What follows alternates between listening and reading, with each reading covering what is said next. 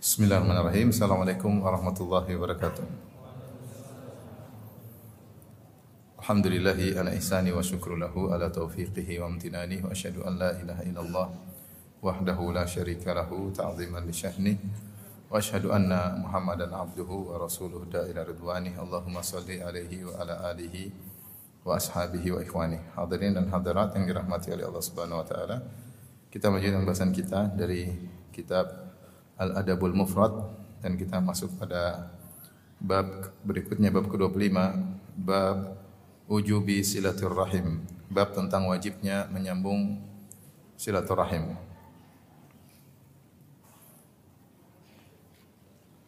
Al-Imam Al-Bukhari berkata qala haddatsana Musa bin Ismail qala haddatsana Damdamu ibnu Amr Al-Hanafi qala haddatsana Kulayb ibnu Manfa'ah qala qala jaddi Kakekku berkata, "Ya Rasulullah, man abarru?" Siapa yang aku ber berbakti kepadanya? Siapa yang aku berbakti kepadanya? Qala Rasulullah SAW berkata, "Ummaka wa abak." Ibumu dan bapakmu. Wa ukhtaka wa akhak. Saudari perempuanmu dan saudara laki-lakimu. Wa maulaka alladhi yali dhalik dan kerabatmu yang setelah itu hakun wajibun adalah hak yang wajib wa rahimun mausulah dan rahim yang disambung. Yang rahim disambung. Bab ini menjelaskan tentang bahwasanya menyambung silaturahmi bukan hanya sekedar dianjurkan atau sunnah tapi dia sampai pada derajat wajib dan dari Imam Bukhari membawakan hadis uh, tentang hal ini ya. Saya ulangi hadisnya ada seorang berkata ya Rasulullah man abar siapa yang aku ber, berbakti kepadanya? Qala ummaka wa abak.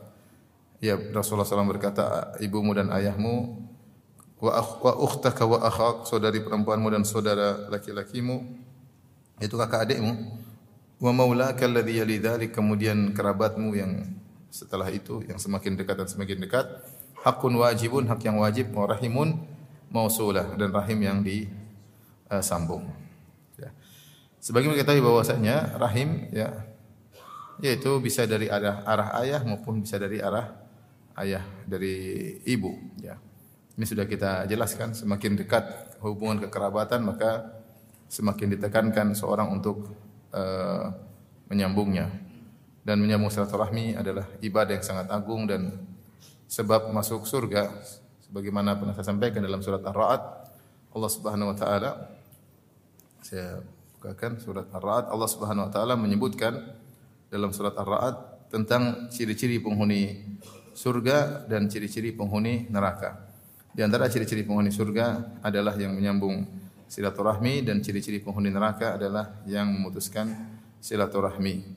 Allah Subhanahu wa taala berfirman, "Alladzina yufuna bi ahdillahi wa la yanquduna al-mitsaq walladzina yasiluna ma amara Allahu bihi ayyusala wa yakhshawna rabbahum wa yakhafuna su'al hisab. Ketika Allah menyebutkan ciri-ciri penghuni surga, Allah menyebutkan itu orang-orang yang menunaikan janji kepada Allah dan tidak membatalkan janjinya. Kemudian walladzina yasiluna ma amara Allah bihi ayyusal, yaitu orang-orang yang menyambung silaturahmi yang diperintahkan untuk disambung.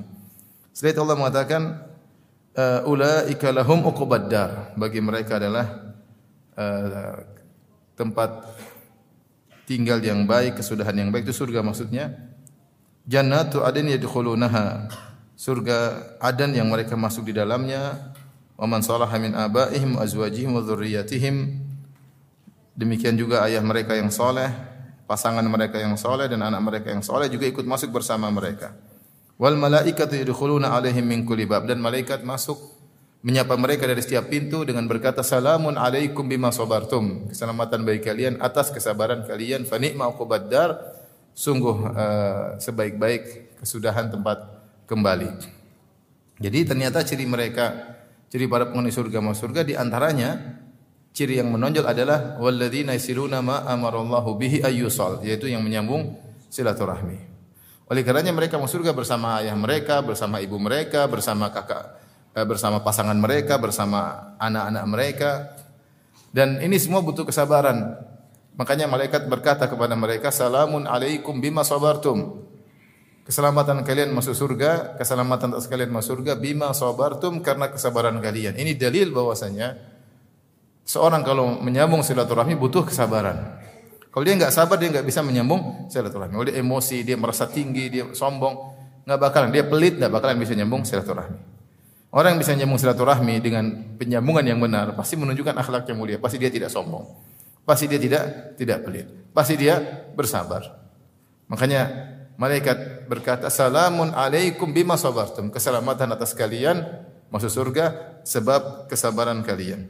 Kemudian Allah menyebutkan penghuni neraka setelah itu, walladzina yanquduna ahdallahi min ba'di mitsaqih wa yaqta'una ma amara Allah bihi ay yusal wa yufsiduna fil ardi ulaika lahumul la'natu wa lahum su'ud dar. Dan orang-orang yang membatalkan janji mereka kepada Allah. Kemudian setelah mereka ambil janji kepada Allah, wa yaqta'una ma amara Allah bihi ay yusal dan mereka memutuskan silaturahmi yang Allah perintahkan untuk disambung. Allah perintahkan untuk sambung mereka malah memutuskan.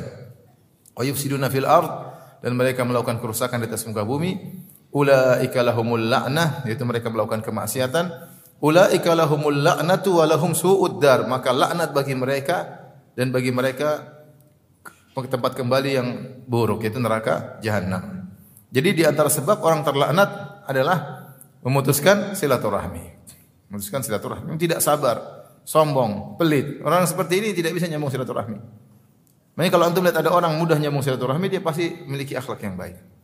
Dia pasti tidak sombong. Kalau dia sombong dia nggak nyambung.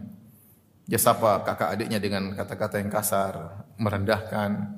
Dia tidak peduli dengan orang yang mungkin miskin jauh, ngapain saya urusin mereka. Tapi karena dia tidak sombong, maka dia ngurusin. Dia cari kerabatnya, dia telepon, dia datangi. Kemudian dia dia tidak mungkin pelit. Kalau orang pelit gimana mau nyambung silaturahmi?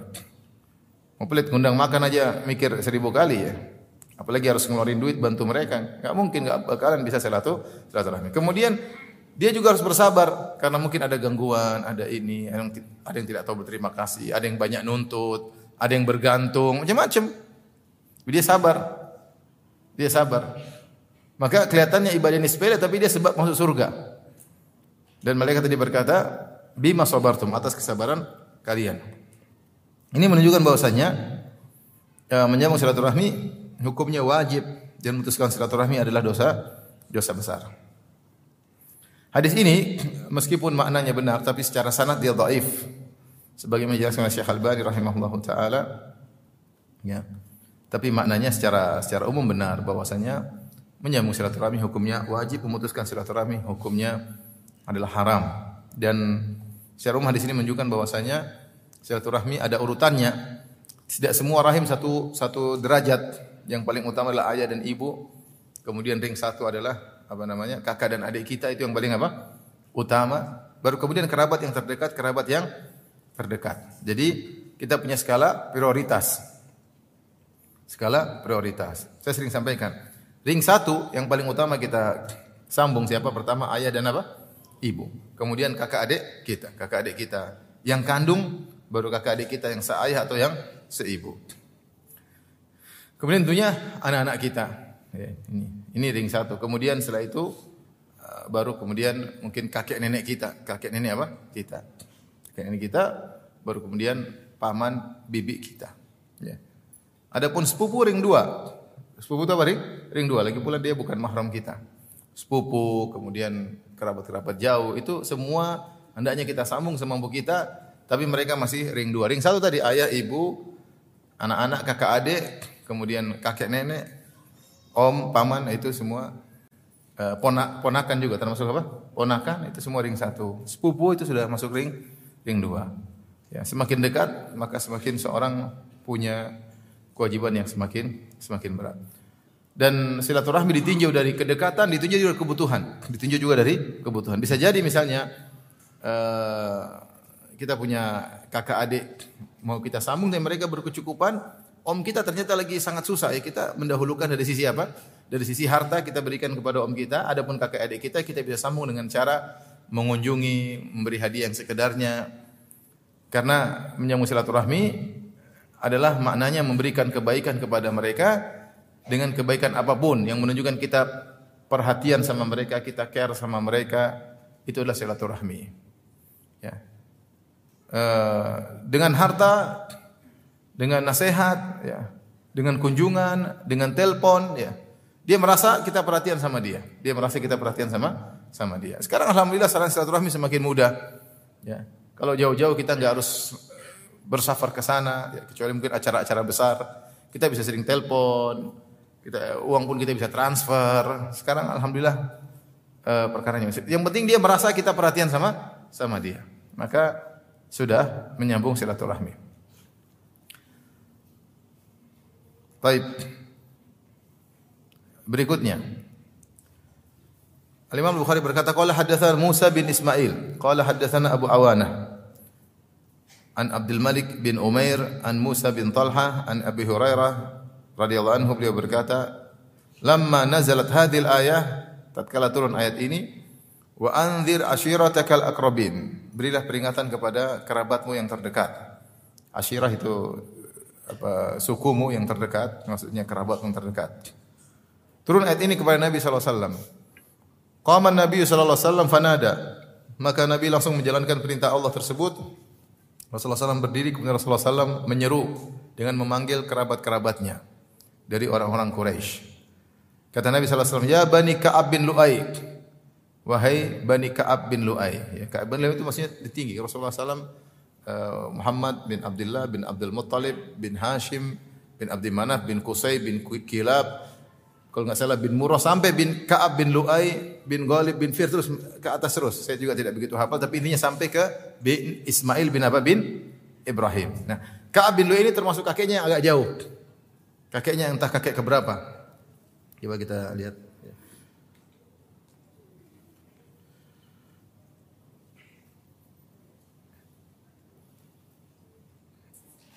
Ini ada nasab Nabi bisa lihat di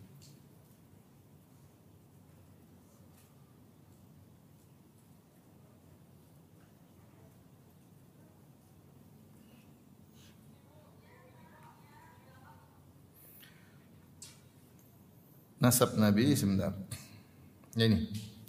Muhammad bin Abdullah bin Abdul Muttalib bin Hashim bin Abdi Manaf bin Qusay bin Kilab bin Murrah bin Ka'ab bin Lu'ay. Persis di atas bin Murrah. Ya, jadi kakek keberapa itu Ka'ab bin Lu'ay? Jadi kakek pertama Abdul Muttalib Abdul Muttalib, Hashim, Abdul Manaf, Qusay, Kilab, Murrah, Ka'ab. Kakek ketujuh. Kakek ke ketujuh. Ka'ab bin Lu'ay itu kakek ke ketujuh. Rasulullah mengatakan, Wahai anak-anaknya kakek ketujuhku. Artinya itu sudah banyak banget ya enggak? Banyak. Iya, tujuh turunan ya. Saya pernah diundang sama sebagian saudara. Om-om waktu datang, terus mereka bawa buku nasab. Buku nasab saya, saya juga baru tahu, saya baru pertama kali lihat ada buku nasab ya. Kemudian itu baru kakek buyut saya, artinya bapak saya, kakek saya, buyut saya. Jadi yang paling terakhir cuma buyut saya, baru kakek buyut. Itu nasabnya sudah tebal, buku nasab sudah tebal. Dari dari kakek nikah kalau nggak salah dua kali, kakek buyut nikah dua kali, kemudian punya anak-anak. Kemudian kakek saya juga nikah apa? Dua kali, kemudian punya anak-anak. Belum dia punya punya saudara-saudara juga banyak. Terus bapak saya juga nikah, kemudian nikah lagi dengan yang lainnya. Saya pisah dengan ibu saya, kemudian nikah lagi dengan yang lainnya. Itu sudah banyak, sudah saya sudah tidak banyak yang saya tidak tidak kenal. Itu baru kakek buyut, baru kakek kedua kalau kita kan. Bagaimana lagi dengan kakek ketujuh yang istrinya mungkin banyak-banyak masing-masing. Kalau kita mungkin istri satu-satu masih mudah dideteksi. Kalau istrinya sudah, apalagi orang Arab dahulu kan, sebelum datang Islam mereka istri sampai 10, sampai banyak. Tidak ada batasan. Jadi Nabi menyebut bahwasanya kerabat saya ini banyak, bahkan sampai kakek ketujuh. Dan termasuk kerabat dekat. Kata Rasulullah SAW, ini semua Quraisy. Semua Quraisy. Kata Nabi SAW, Ya Bani Ka'ab bin Lu'ay, wahai putra-putra kakek ketujuhku. Angkidu anfusakum minan nar. Selamatkan diri kalian dari neraka jahanam. Putra Rasulullah SAW lebih mengecilkan lagi. Kakek keberapa Abdul Manaf? Abdul Muttalib bin Hashim bin Abdi Manaf. Berarti kakek ketiga. Kemudian Rasulullah SAW berkata, Ya Bani Abdi Manaf, wahai putra-putranya kakek ketigaku. Siapa Abdu? Abdul Manaf. Angkidu anfusakum minan nar. Selamatkan diri kalian dari neraka jahanam. Kemudian kakek keduaku. Karena Rasulullah Muhammad bin Abdullah bin Abdul Muthalib bin Syah bin ha?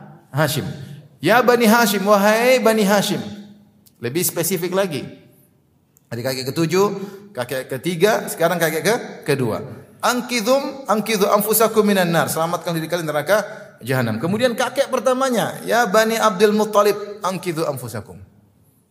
Ini disebut ammama wa khassa. Rasulullah SAW mengumumkan sampai kakek ketujuhnya, Rasulullah SAW mengkhususkan kakek ketiganya, kakek keduanya, terus kakek per pertamanya. Siapa anak-anak Abdul Muttalib? Banyak Abdul Muttalib anaknya siapa saja?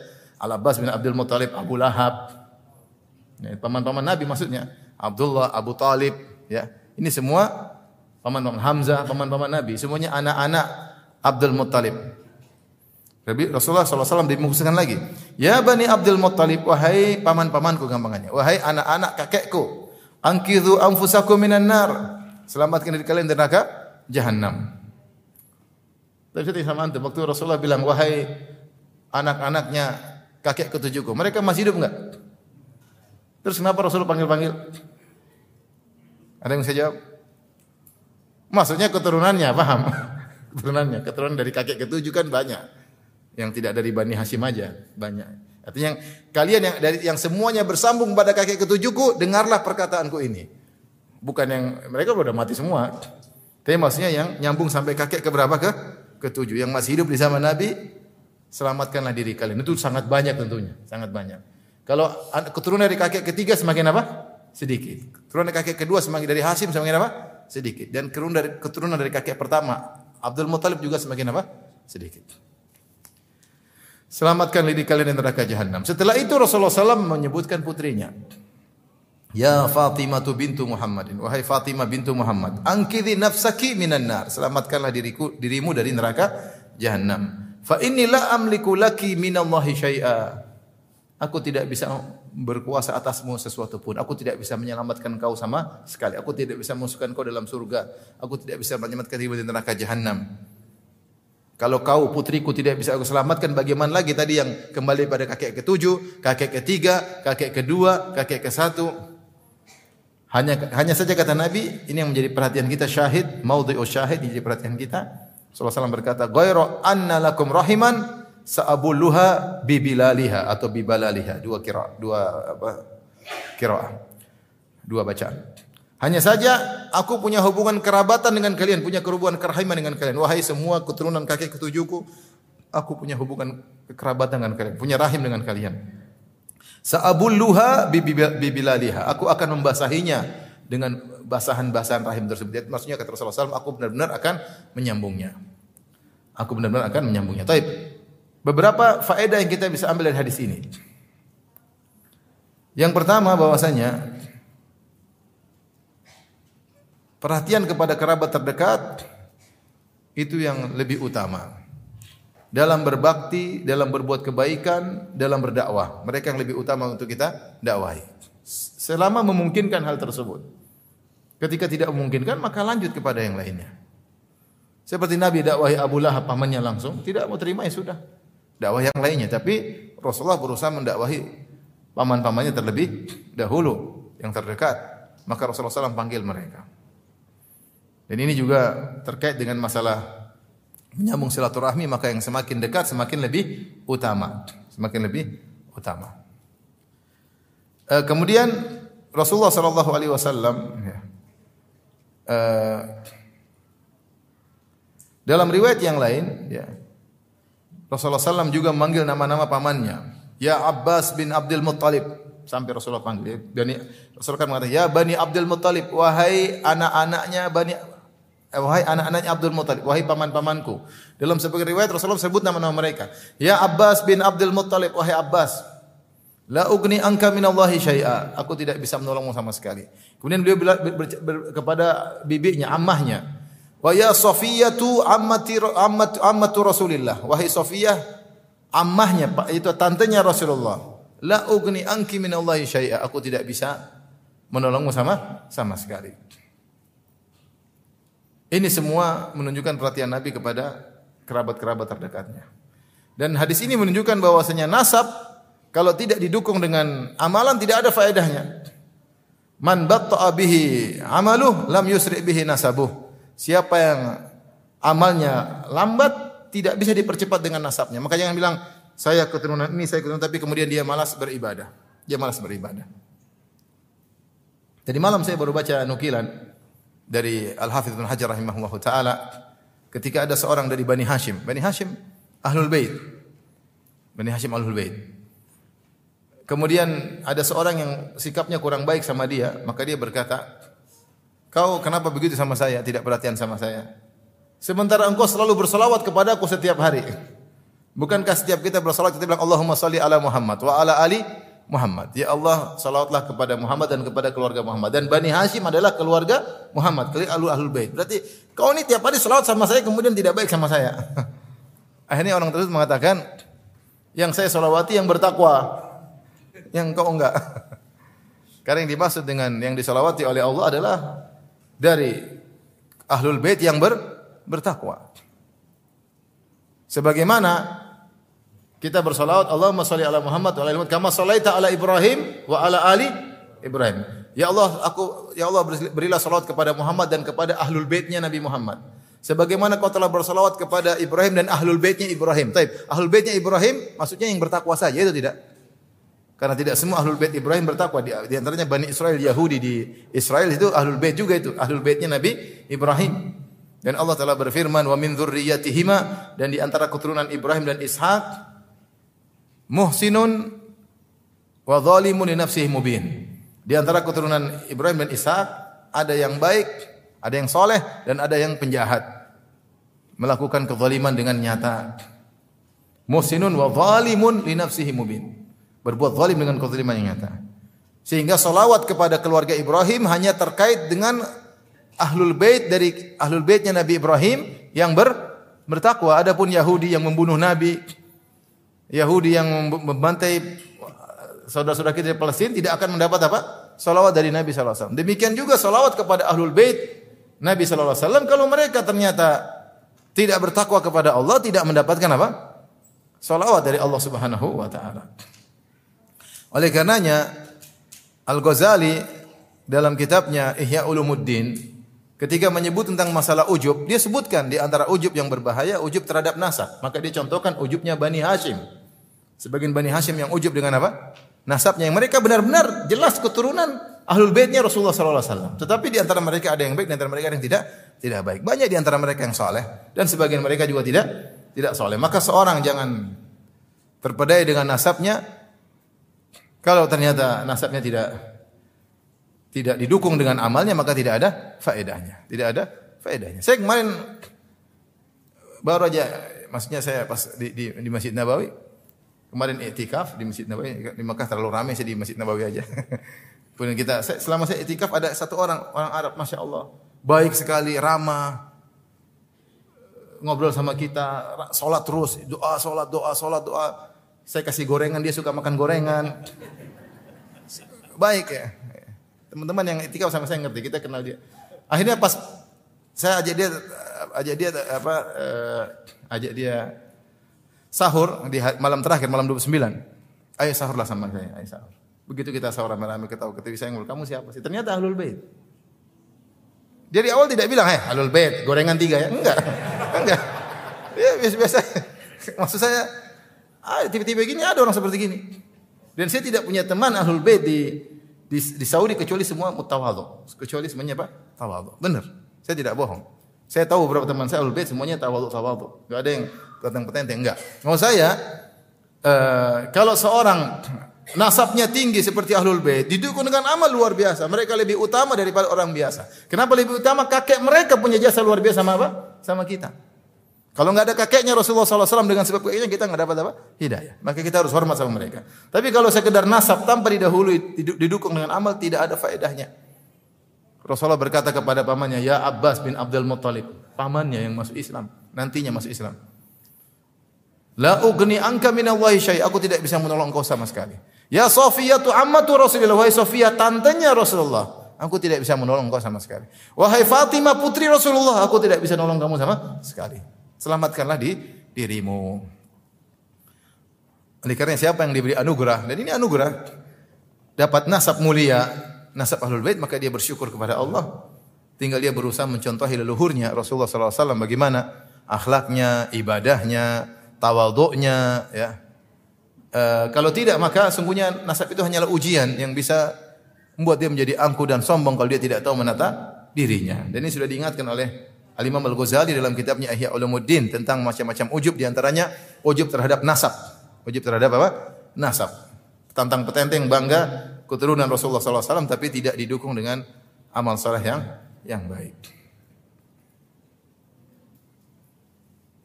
Dan ada sebagian yang saya, saya juga ada sebagian orang, jadi saya, saya langsung diceritain oleh oleh kalau tidak saya ingat saya, saya, saya teman teman Habib ya, dia juga cerita. Saya ketemu di Amsterdam, dia juga Habib, dia bilang sebagian sebagian kita merasa pasti masuk apa? Surga. Kok bisa? Iya, karena tiap hari orang selawat sama kita katanya. Apakah Nabi mengajarkan demikian? Apakah Nabi mengajarkan demikian? Tidak. Coba lihat sirah bagaimana sejarah para ahlul bait. Mereka bertakwa kepada Allah. Hasan Hussein takwanya luar biasa. Tidak seperti itu. Ya. Tidak mentang-mentang. Ya. Sebagian mereka yang berkata, namanya emas mau ditaruh di comberan tetap apa emas. Baik.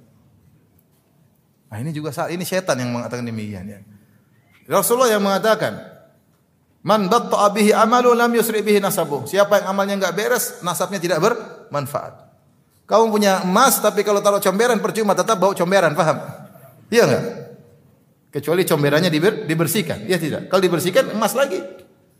Kalau ketutup comberan yang kelihatan kuning comberan bukan kuning apa? Emas. Maka ini semua tipu daya syaitan. Maka siapa yang dapat nasab ahlul bait maka subhanallah nikmat yang luar biasa. Bagaimana tidak bahagia ahlul bait. Tetapi jangan lupa harus didukung dengan amal yang yang baik. Taib. Jangan mempermalukan leluhur yang luar biasa yang soleh-soleh. Sebagaimana kita tahu bagaimana sirah perjalanan hidup mereka orang-orang yang soleh. Ali bin Abi Thalib, ya, Fatimah, Hasan, Hussein dan yang lainnya yang mereka adalah orang-orang yang para solehin. Taib. Maka seorang berusaha untuk meraih syafaat Nabi sallallahu alaihi wasallam dengan bertauhid kepada Allah Subhanahu wa taala. Kalau enggak Nabi tidak bisa menolong sedikit pun.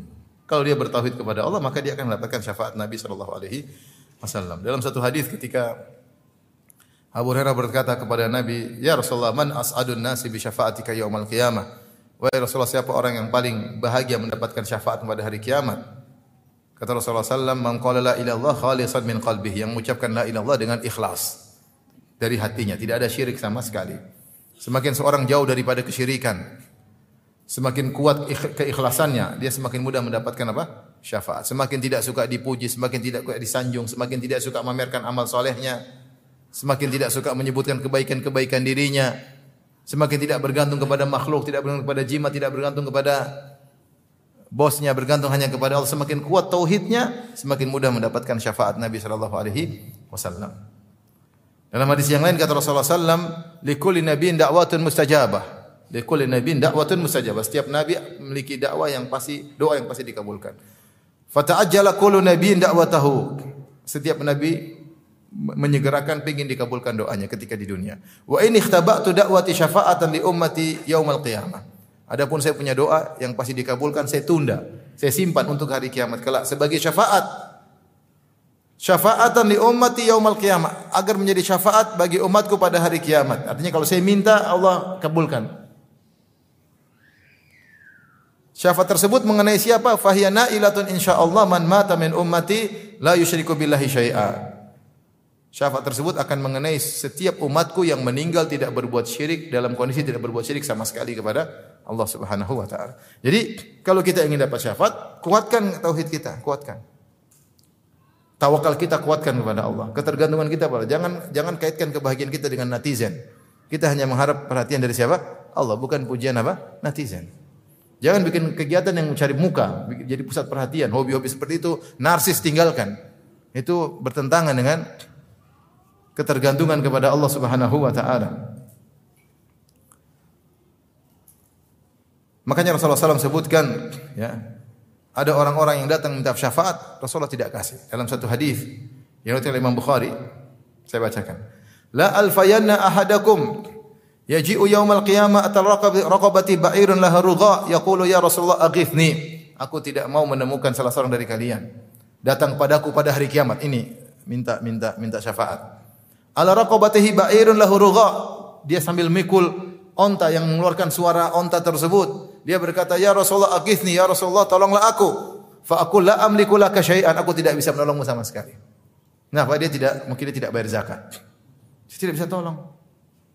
Qad ablagtuka, aku sudah sampaikan kepada sudah saya ingatkan. Ah, ini enggak boleh. La alfayanna ahadakum yaji'u yaumal qiyamah ala ala raqatabi farasun lahu hamhama fayaqul ya Rasulullah aghithni. Demikian juga ada yang memikul kuda, kemudian ada suara ringgikan kuda, kemudian tolong aku, Rasulullah SAW enggak bisa. Saya tidak bisa tolong kamu. Qad ablagtuka la amliku laka syai'an. Aku tidak tidak memiliki apa-apa, tidak menguasai apa-apa. Saya telah sampaikan kepadamu. Saya Rasulullah SAW mengatakan demikian orang di atas pundaknya ada syat laha thugha. Ada kambing yang sambil mengembek. Dia pikul hari kiamat. Dia berkata, ya Rasulullah agithni, Rasulullah tolonglah aku. Kata Rasulullah SAW, La amliku laka syai'an qad ablaktuka. Saya tidak bisa tolong kau sama sekali. Aku telah menyampaikan. Tidak boleh. Harus bayar zakat, harus ini, harus ini. Sampai Rasulullah SAW mengatakan, uh, emas, ada yang pikul emas, ya. Dan semuanya Rasulullah mengatakan, aku tidak bisa menolong engkau sama sekali. Ya. Yaji'u yaumal qiyamah al-raqatu bisamitun fayaqulu ya Rasulullah aghithni. Datang orang pada hari kiamat kelak memikul samit, seperti emas dan perak. Dulu punya emas dan perak tidak dia zakatkan, tidak dia sedekahkan, maka dia pikul pada hari kiamat dan dia berkata, "Ya Rasulullah aghithni tolonglah aku." Kata Rasulullah sallam, "La amliku lah la amliku laka syai'a." Aku tidak bisa menolongmu sama sekali. Qad ablaqtuka, aku telah menyampaikan kepadamu. Maksudnya tidak semua orang minta syafaat kepada Nabi kemudian dikasih, enggak. Kalau bahkan dari ahlul bait kata Rasulullah tadi kepada Fatimah, kepada Al Abbas bin Abdul Muthalib, kepada Sofiyah kalau nggak bisa amal tidak pas tidak percuma nasab. Kalau yang ahlul bait saja kalau seandainya tidak tidak pas amalnya tidak dapat syafaat apalagi yang orang sini yang tidak ada ahlul baitnya nggak ada hubungan kerabat sama Nabi, ya oh, gimana ya? Tapi kalau bertauhid kepada Allah Subhanahu wa taala maka pasti pasti dapat apa? Syafaat. Rasulullah SAW mengatakan fahiya nailatun insyaallah man mata min ummati la yusyriku billahi syai'a. Syafaatku insyaallah akan mencakup siapa saja dari umatku yang meninggal yang tidak berbuat syirik sama sekali kepada Allah. Maka latihlah diri kita untuk membersihkan hati kita. Taib. Uh, di sini yang menjadi perhatian kita adalah Rasulullah SAW di akhir hadis dia mengatakan, "Ghairu anna lakum rahiman sa'abulluha bibilaliha." Hanya saja antara aku dengan kalian ada rahim. Aku akan bahasahinya dengan sebahasa-bahasanya. Itu aku akan menyambung silaturahmi dengan sambung sesambungnya. Ini dalil bahwasanya menyambung silaturahmi bukan hanya disyariatkan kepada sesama muslim. Bahkan kalau kita punya hubungan kerabatan dengan non muslim, orang-orang kafir, maka kita juga dianjurkan untuk apa? menyambungnya sesuai dengan kebaikan yang bisa kita lakukan kepada mereka.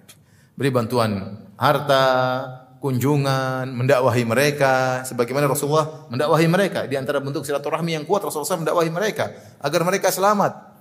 Ya. Rasulullah SAW sedih ketika orang Quraisy tidak beriman. Rasulullah SAW sangat fala tadhhab nafsuka alaihim hasarat. Ya. Fala'allaka bakhi'un nafsaka. Sungguh Rasulullah itu Allah sebut beberapa ayat dia merasa sedih, ya. Wala tahzan alaihim, jangan kau sedih atas mereka. Jadi ketika Rasulullah mendakwahi mereka, mereka tidak beriman, Rasulullah senang atau sedih? Sedih karena mereka kerabat Nabi. Gampangnya gampangnya gini, ada seorang dari Jawa dakwahi orang Jawa untuk masuk Islam. Ternyata orang-orang Jawa tersebut tidak masuk Islam. Dia sedih atau tidak? Sedih. Ini kan suku saya, kenapa mereka tidak masuk Islam misalnya gampangannya. Maka Nabi juga punya suku, suku Quraisy yang dia sangat sayang kepada mereka. Ketika mereka tidak masuk Islam bahkan memusuhi Islam Rasulullah sedih. Sampai Allah mengatakan Allah tahzan alim. Jangan kau terlalu bersedih atas mereka. Hidayah di tangan Allah Subhanahu wa taala. Makanya Rasulullah SAW tetap berjanji, aku akan menyambung silaturahmi dengan kalian dengan sebaik-baiknya. Maka Rasulullah tetap baik kepada kepada mereka. Dari sini kita tahu bahwasanya menyambung silaturahmi kepada kerabat kita meskipun non muslim hukumnya sun sunnah. Dianjurkan. Adapun jika kerabat tersebut non muslim adalah ayah ibu kita, maka hukumnya wa, wajib. Ini bedanya. Kalau kerabat kita non muslim adalah ayah ibu, maka hukumnya tetap wa, wajib. Tapi kalau kerabat kita selain ayah dan ibu maka hukumnya sun sunnah. Ini yang lebih tepat dalam masalah ini. Wallahu alam bisawab. Baik. Uh, kita lanjutkan.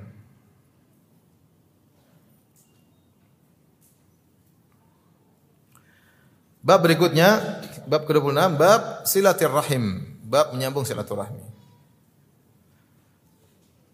Al-Imam Al-Bukhari berkata, qala haddatsana Abu Nuaim. Qala haddatsana Amr bin Utsman bin Abdullah bin Mauhib. Qala sami'tu Musa bin Talha yadhkur an Abi Ayyub Al-Ansari.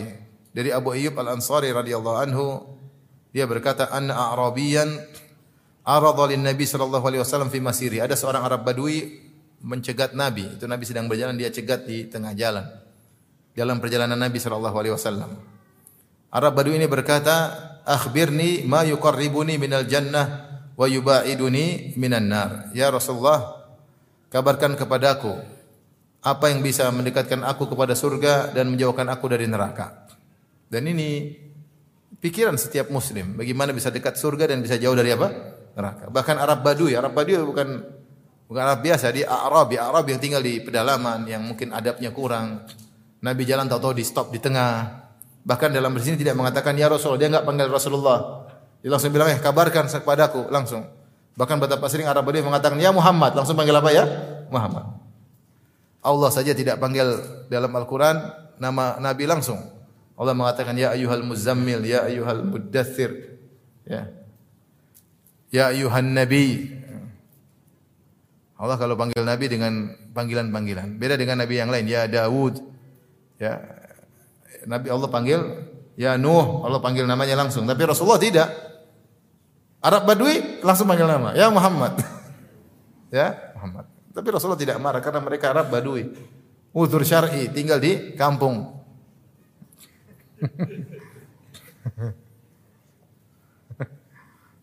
Ada pernah SMS saya Ustaz, saya telepon angkat ya. Oke. Okay. Uzur syar'i di kampung. Saya nggak ngerti, nggak ngerti. Yang gimana ya? Nggak ngerti. Tapi dikasih tahu, dikasih tahu. Saya kasih tahu orang, tolong kasih tahu dia. Jangan begitu, ya. Angkat ya, masya Allah, perintah. Kalau istri saya langsung angkat. Tapi subhanallah Rasulullah tidak marah ya. Karena dia tidak bilang ya Rasulullah, dia langsung akhbir nih langsung. Kabarkan kepada aku apa yang bisa mendekatkan aku pada surga dan mendekatkan kepada neraka. Tapi semangatnya menunjukkan dia ingin masuk surga dan ingin jauh dari neraka. Qala Rasulullah SAW jawab, Ta'budullaha wa la tusyriku bihi syai'a. Yang pertama tauhid. Beribadah kepada Allah tidak berbuat syirik sama sekali. Tidak ada ibadah sama selain Allah. Ya. Wa tuqimus menegakkan salat. Wa tu'tiz zakata, bayar zakat wa tasilur rahim dan nyambung silaturahmi subhanallah. Ini menunjukkan silaturahmi ibadah yang sangat agung. Makanya Rasulullah SAW gandengkan dengan ibadah-ibadah yang agung. Tauhid, uh, tidak berbuat syirik, salat, bayar zakat, nyambung silaturahmi. Mau saya ikhwan, kita jangan meremehkan ibadah ini. Allah berikan kita kemudahan pintu-pintu surga banyak. Di antara pintu surga yang yang dibuka lebar untuk masuk surga adalah pintu silaturahim. Apalagi kalau antum diberikan kemudahan rizki, kelapan rizki, sudah mau silaturahmi mudah sekali. Tinggal datang, jalan ke sana, ke tante, ke bibi, kirim uang, telepon, ngabis-ngabisin pulsa, ngabis-ngabisin kuota. Duit banyak. Kalau punya duit ngajak umroh, ngajak haji, kalau punya duit enak mau silaturahmi. Yang jadi enggak masalah kalau enggak punya duit itu masalahnya. Mau silaturahmi kadang bertamu malah diusir, datang tidak dipedulikan, ya itu butuh kesabaran ekstra. Tapi kalau punya duit kita lebih mudah silaturahmi. Kita juga pernah merasakan seperti itu. Kita lagi nggak punya uang kemudian datang ke orang yang berada dari kerabat, dicuekin biasa. Tapi jangan jangan putus asa. Jangan bilang kalau saya kaya saya awas gantian nanti enggak. Ternyata nggak kaya kaya. Maksudnya kalau kebetulan diberi keluar duit Allah akan ganti semuanya di dunia sebelum di akhirat. Allah ganti double double di dunia sebelum di di akhirat. Kalau anda diberi kelebihan harta ibu-ibu, ya udah nyambung silaturahmi. Karena ini sebab masuk surga, mendekat kepada surga, menjauhkan dari neraka jahanam.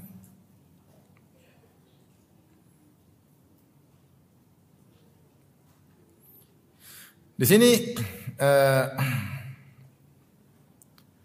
Rasul, Rasulullah SAW menggandengkan antara tauhid dengan menyambung silaturahmi. Dan ini banyak dalam Al-Quran. Seperti Allah menggandengkan tauhid dengan berbakti kepada kedua orang tua. Seperti firman Allah, wa qadha rabbuka alla ta'budu illa iyyahu wa bil walidaini ihsana.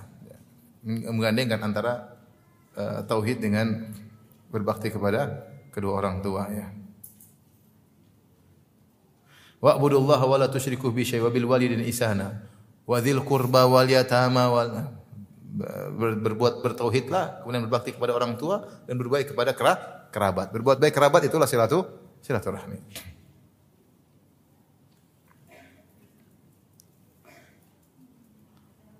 Baik, kita lanjutkan hadis berikutnya. Ya. Jadi hadis tadi menunjukkan bahwasanya silaturahmi adalah minat taatil azimah di antara ketaatan-ketaatan yang besar, yang agung di sisi Allah yang pahalanya sangat besar. Di antara jalan termudah untuk cepat masuk surga dan terjauhkan dari neraka adalah menyambung silaturahmi. Ini pulang Bapak Ibu mulai cek. Saya punya rahim di data. Rahim saya yang masih terutama terutama ring satu, catat. Yang masih hidup siapa aja? Ayah, ibu, kakek, nenek, kemudian kakak adik, ya. kakak adik, sebapak yang sekandung, sebapak atau seibu, ponakan-ponakan, ya. cat semua. Tante, om-om yang tante om-om dari ayah, tante om-om dari apa? Ibu yang masih hidup siapa aja. Mulai kita melatih diri. Kalau kita niat dengan tulus, insya Allah mudahkan kita untuk menyambung silaturahmi. Dan di antara silaturahmi yang paling baik itu memang dengan harta, karena itu yang paling menyenangkan orang. Iya tidak? Padahal ente telepon-telepon satu hari satu jam telepon, mending telepon seminggu sekali tapi langsung kirim uang. Ini telepon-telepon melulu. Mending kuota dia aja yang habis, kuota saya juga ikut habis. tapi tidak apa-apa, maksudnya. Tapi jangan pelit lah, jangan pelit. Jangan pelit. Kita hanya menyesal nanti hari kiamat kalau jadi orang pelit. Tapi kita lanjutkan. Hadis berikutnya. Al-Imam Bukhari berkata qala haddatsana Isma' Ismail bin Abi Uwais qala haddatsani Sulaiman bin Bilal an Muawiyah bin Abi Muzarrid an Sa'id bin Yasar an Abi Hurairah radhiyallahu anhu anna Rasulullah alaihi wasallam Rasulullah SAW bersabda, "Khalaqallahu azza wa jalla al-khalqa." Allah menciptakan makhluk. Falamma faragha minhu qamatir rahim. Tatkala Allah sudah selesai urusan dengan makhluk, rahim berdiri. Rahim di antara makhluk yang Allah ciptakan. Rahim dia adalah sesuatu yang abstrak itu tidak seperti kematian, kehidupan adalah sesuatu yang apa? Abstrak. Tapi Allah bisa menjadikan dia sesuatu yang konkret. Seperti kematian, kematian adalah sesuatu yang abstrak. Kematian adalah kondisi ruh keluar dari jasad, namanya apa? Kematian. Tidak ada yang bisa kita pegang, namanya sesuatu yang abstrak. Tapi pada hari kiamat kelak Allah akan menghadirkan yu'ta bil maut ala hayatil kabsyah. Allah akan datangkan kematian dalam bentuk seekor kambing, seekor domba. Kemudian disembelih di antara penghuni surga, penghuni neraka. Kemudian dikatakan, Ya ahlal jannah, khuludun la mauta fiha. Tidak ada, wahai penghuni surga, kehidupan yang abadi tidak kematian. Maka penghuni surga semakin bahagia karena mereka merasakan nikmat yang mereka rasakan. Kenapa? Karena kematian telah disembelih. Wahai ahlan nar, wahai penghuni neraka, keabadian tidak ada kematian di dalamnya, mereka semakin sengsara karena mereka tahu pedihnya apa? Siksaan neraka. Tapi yang jadi perhatian kita Allah datangkan kematian yang konkret, yang abstrak dalam bentuk sesuatu yang konkret. Paham atau tidak? Paham. Paham atau tidak? Contohnya seperti amal soleh. Nabi SAW sebutkan dalam di antara kejadian-kejadian dalam alam barzakh ada seorang yang datang dengan wajah yang tampan, dengan berseri-seri, dengan aroma yang sangat harum. Maka sang mayat berkata, "Man anta siapa engkau?" Maka dia menjawab, "Ana amaluka saleh." Aku adalah amal salehmu ketika di dunia. Maksudnya aku adalah berbakti kepada orang tuamu, aku adalah salat salatmu, aku adalah amal saleh tersebut dibentuk oleh Allah dalam bentuk seperti manusia yang datang dengan wajah yang tampan. Sebaliknya amal buruk juga datang dengan wajah yang mengerikan, bau yang busuk dan yang lainnya. Demikian juga Nabi SAW sebutkan bahwasanya surat Al-Baqarah dan surat Al-Imran yang kita baca pada hari kiamat kelak datang dalam bentuk seperti goyayatan atau gomamatan seperti dua dua awan yang akan menaungi pada hari kiamat kelak. Itu suatu yang konkret. Padahal yang bacaan kita konkret atau abstrak? Abstrak. Demikian juga rahim. Maksud saya jangan sampai kita pakai logika, eh, rahim kan suatu yang abstrak. Ini gimana hadis ini sih? Enggak, ini beriman aja lah. beriman. Jadi qamatir rahim, rahim berdiri, faqala mah qalat hadza maqamu al-a'idhi bika minal qati'ah. Maka rahim berkata kepada Allah, ini adalah tempat seorang yang atau seseorang yang sedang berlindung kepada engkau dari terputusnya silaturahmi. Jadi rahim meminta kepada Allah, dia berlindung kepada Allah jangan sampai diputuskan. Tapi akan terjadi pemutusan silaturahmi. Maka Allah berkata kepada Rahim, "Ala tardaina an asila man wasalaki?" Ridhokah engkau wahai Rahim? Allah bicara dengan Rahim. Kalau aku menyambung kebaikan kepada orang yang menyambungmu, wa aqta'u man qata'aki dan aku akan memutuskan kebaikan dari orang yang memutuskanmu, qalat bala ya Rabbi. Kata Rahim, tentu ya ya Allah aku ridha. Qala fadzalika laki, fadzaliki laki. Itulah yang aku tetapkan untukmu. Suma qala Abu Hurairah, kemudian Abu Hurairah berkata, Ikra ikra'u in syi'tum. Kalau kalian berkehendak, bacalah firman Allah, fahal asaitum in tawallaitum an fil ardi wa tuqatti'u arhamakum dalam surat Muhammad. Dan bisa jadi kalau kalian berkuasa, kalian akan melakukan kerusakan di atas permukaan bumi, kemudian kalian memutuskan silaturahmi, ya. Ulaika alladziina la'anahumullah wa asammahum ama absarahum. Maka mereka itulah orang yang dilaknat, dijadikan buta, dijadikan tuli. Orang yang yang memutuskan silatu silaturahmi. Jadi ini dalil bahwasanya rahim berbicara kepada Allah, minta perlindungan dari orang yang memutuskannya. Dia sangat merasa sedih ketika ada yang memutuskannya. Kemudian Allah beri uh, keputusan kepada rahim, tenang wahai rahim, kalau ada yang menyambungmu, aku akan menyambung kebaikan dengannya. Kalau ada yang memutuskanmu, aku akan putuskan kebaikan, kebaikan darinya. Ini dalil bahwasanya Allah berbicara dengan apa? Rahim. Dan Allah memiliki sifatul kalam berbicara.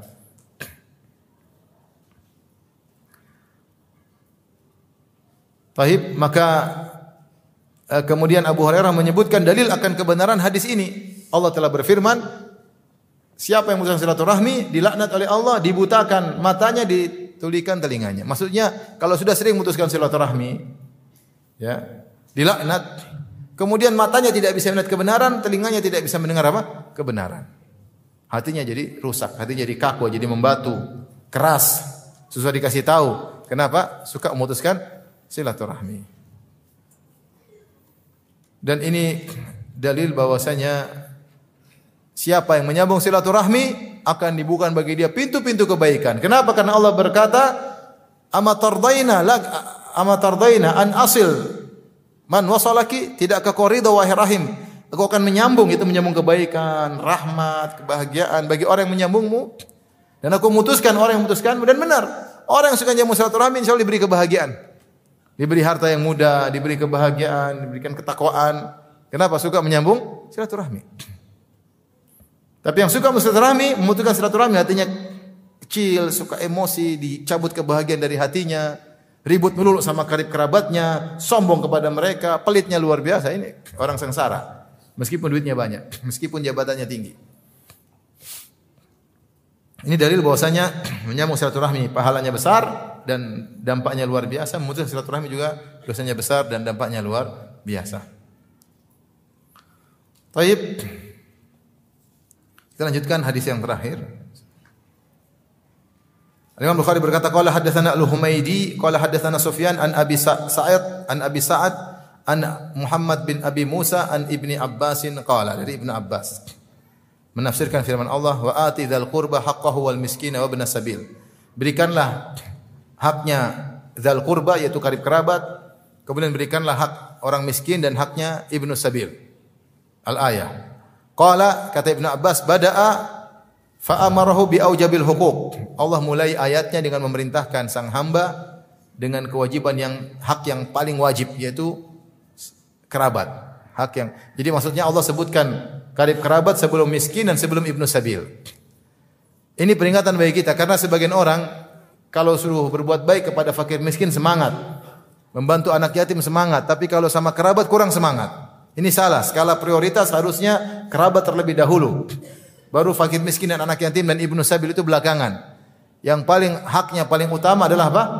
Karib kerabat. Kalau karib kerabat sudah kita tunaikan haknya, kita lanjut yang lainnya. Maka Ibnu Abbas mengatakan di sini, fa'amarahu bi aujabil huquq. Allah perintahkan dia untuk menunaikan hak yang paling terwajib yaitu hak terkait dengan apa? Karib kerabat. Wadallahu ala afdalil a'mal idza kana indahu syai' dan Allah tunjukkan kepada dia tentang amal yang terbaik jika dia memiliki sesuatu, memiliki harta. Jangan ragu-ragu kalau punya harta itu amal terbaik kata Ibn Abbas untuk diberikan kepada karib kerabat. Faqala Allah berkata wa atidhal qurba haqqahu berikanlah hak karib kerabat wal miskin haknya orang miskin wa ibnas sabil dan haknya ibnu sabil yaitu musafir yang kehabisan bekal. Artinya kita punya harta, harta kita ada di hak orang juga. Kalau mereka miskin, mereka punya hak untuk dapat dari harta kita. Wa allamahu idza lam yakun indahu syai' kaifa yaqul. Dan Allah ajarkan kalau seorang tidak punya harta, kemudian ada kerabat yang minta tolong, ada orang miskin minta tolong, dia ngomongnya bagaimana caranya nolak dengan cara yang halus. Allah ajarkan. Kata Allah Subhanahu wa taala dalam surat Al-Isra berikutnya, "Wa imma tu'ridanna anhum ibtigha'a rahmatin min rabbika tarjuha faqul lahum qawlan maysura." Jika kau berpaling dari mereka, mereka minta bantuan, kau tidak mampu, tidak punya harta. ATM lagi kosong. Bahkan minus, ada ATM minus. ATM kosong, utang banyak kau berpaling ibtigha'a rahmatin min rabbik dan dengan sambil berharap dalam hatimu kau pasang niat Seandainya satu hari saya dapat rahmat dari Allah, dapat rezeki, saya akan kasih. Ya. Maksudnya ketika berpaling pun kita tetap bukan tukang minta-minta. Enggak, kita pasang niat yang baik. Aduh saya enggak bisa. Dengan dengan sedih. Ibtigha ar-rahmati min rabbik dalam kondisi hatimu suatu saat mudah-mudahan saya punya rezeki untuk kasih kamu. Tapi sekarang saya lagi enggak enggak punya. Tarjuha yang kau harapkan rahmat tersebut. Apa yang kau lakukan? Fakul lahum kalau kau tidak mampu apa yang kau katakan? Katakan kepada mereka fakul lahum kaulan maisura. Katakanlah kata-kata yang baik. Bilang mohon maaf ke atau nanti ke. Kata Ibnu Abbas, eidatan hasanah. Janjikan dengan janji yang baik. Contohnya kita bilang, insya Allah belum belum bisa sekarang. Mudah-mudahan lain waktu. Mudah-mudahan nanti awal tahun. Ini baru baru awal tahun-tahun sekarang, awal tahun awal tahun-tahun depan. Mudah-mudahan habis hajian misalnya. Mudah-mudahan nanti pas Ramadan. Artinya tetap kata-kata yang baik. Kalau kita kasih-kasih dengan cara yang baik, kalau kita nolak pun dengan nolak yang yang baik. Jangan minta-minta terus. Sana minta sama yang lain. Jangan gitu. Long dia minta sama kita berarti ada pintu pintu pahala bagi kita dengan bantunya terus. Ka'annahu qad kan wala alu an yakuna insyaallah yaitu seakan-akan sudah dikasih atau insya Allah akan dikasih suatu saat. Wala taj'al yadaka maglulatan ila unuqi. Kemudian Allah ajarkan, jangan kau jadikan tanganmu terbelenggu di lehermu. La tu'ti syai'an. Punya sesuatu enggak kasih sama sekali, pelit. Jangan begitu kalau punya kasih kata Allah, jangan pelit. Wala tabsutah kulal bas, jangan juga kau kasih sebanyak-banyaknya. Semua ini ini, apalagi apalagi semua ini kasih. Enggak, enggak juga. Fataquda maluman, maka kau akan duduk menjadi tercela Orang-orang yalumuka man ya'tika ba'du. Orang-orang yang datang kepadamu mencela kau, kamu enggak punya duit kenapa? Saya sudah kasih kerabatku semuanya. Wala yajidu indaka syai'an. Dan mereka dia tidak mendapati kau miliki sesuatu. Mahsuran. Kau menjadi tidak punya apa-apa. Qala qad hasaraka man qad a'taitahu.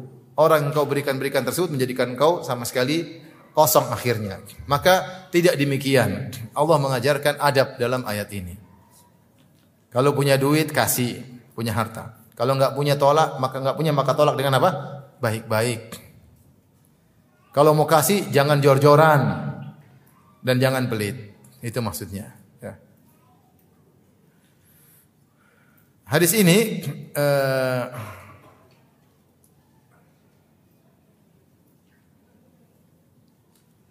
uh, atau riwayat ini ya Sanatnya dhaif, sanatnya dhaif secara sanad ya. Ada seorang namanya Abu Sa'ad wa huwal Baqqal Sa'id bin Al-Marzaban dhaifun mudallis. Dia seorang dhaif yang mudallis. Demikian juga gurunya Muhammad bin Abi Musa majhul, la yu'raf atau mastur sehingga uh, hadis ini secara sanad lemah meskipun secara makna benar. Secara makna apa? Benar. Itu zahir daripada ayat. Daripada ayat. Ini mengajarkan bagaimana akhlak yang mulia berhadapan dengan kerabat, baik ketika memberi maupun ketika tidak bisa memberi, maka ada aturannya. Ini juga dalil bahwasanya karib kerabat lebih utama untuk kita bantu daripada selain selain mereka. Baik, demikian saja Ikhwan dan akhwat yang rahmatillah subhanahu wa ta'ala yang saya sampaikan insyaallah kita lanjutkan pada kesempatan berikutnya. Demikian wabillahi taufiq wal hidayah. Assalamualaikum warahmatullahi wabarakatuh.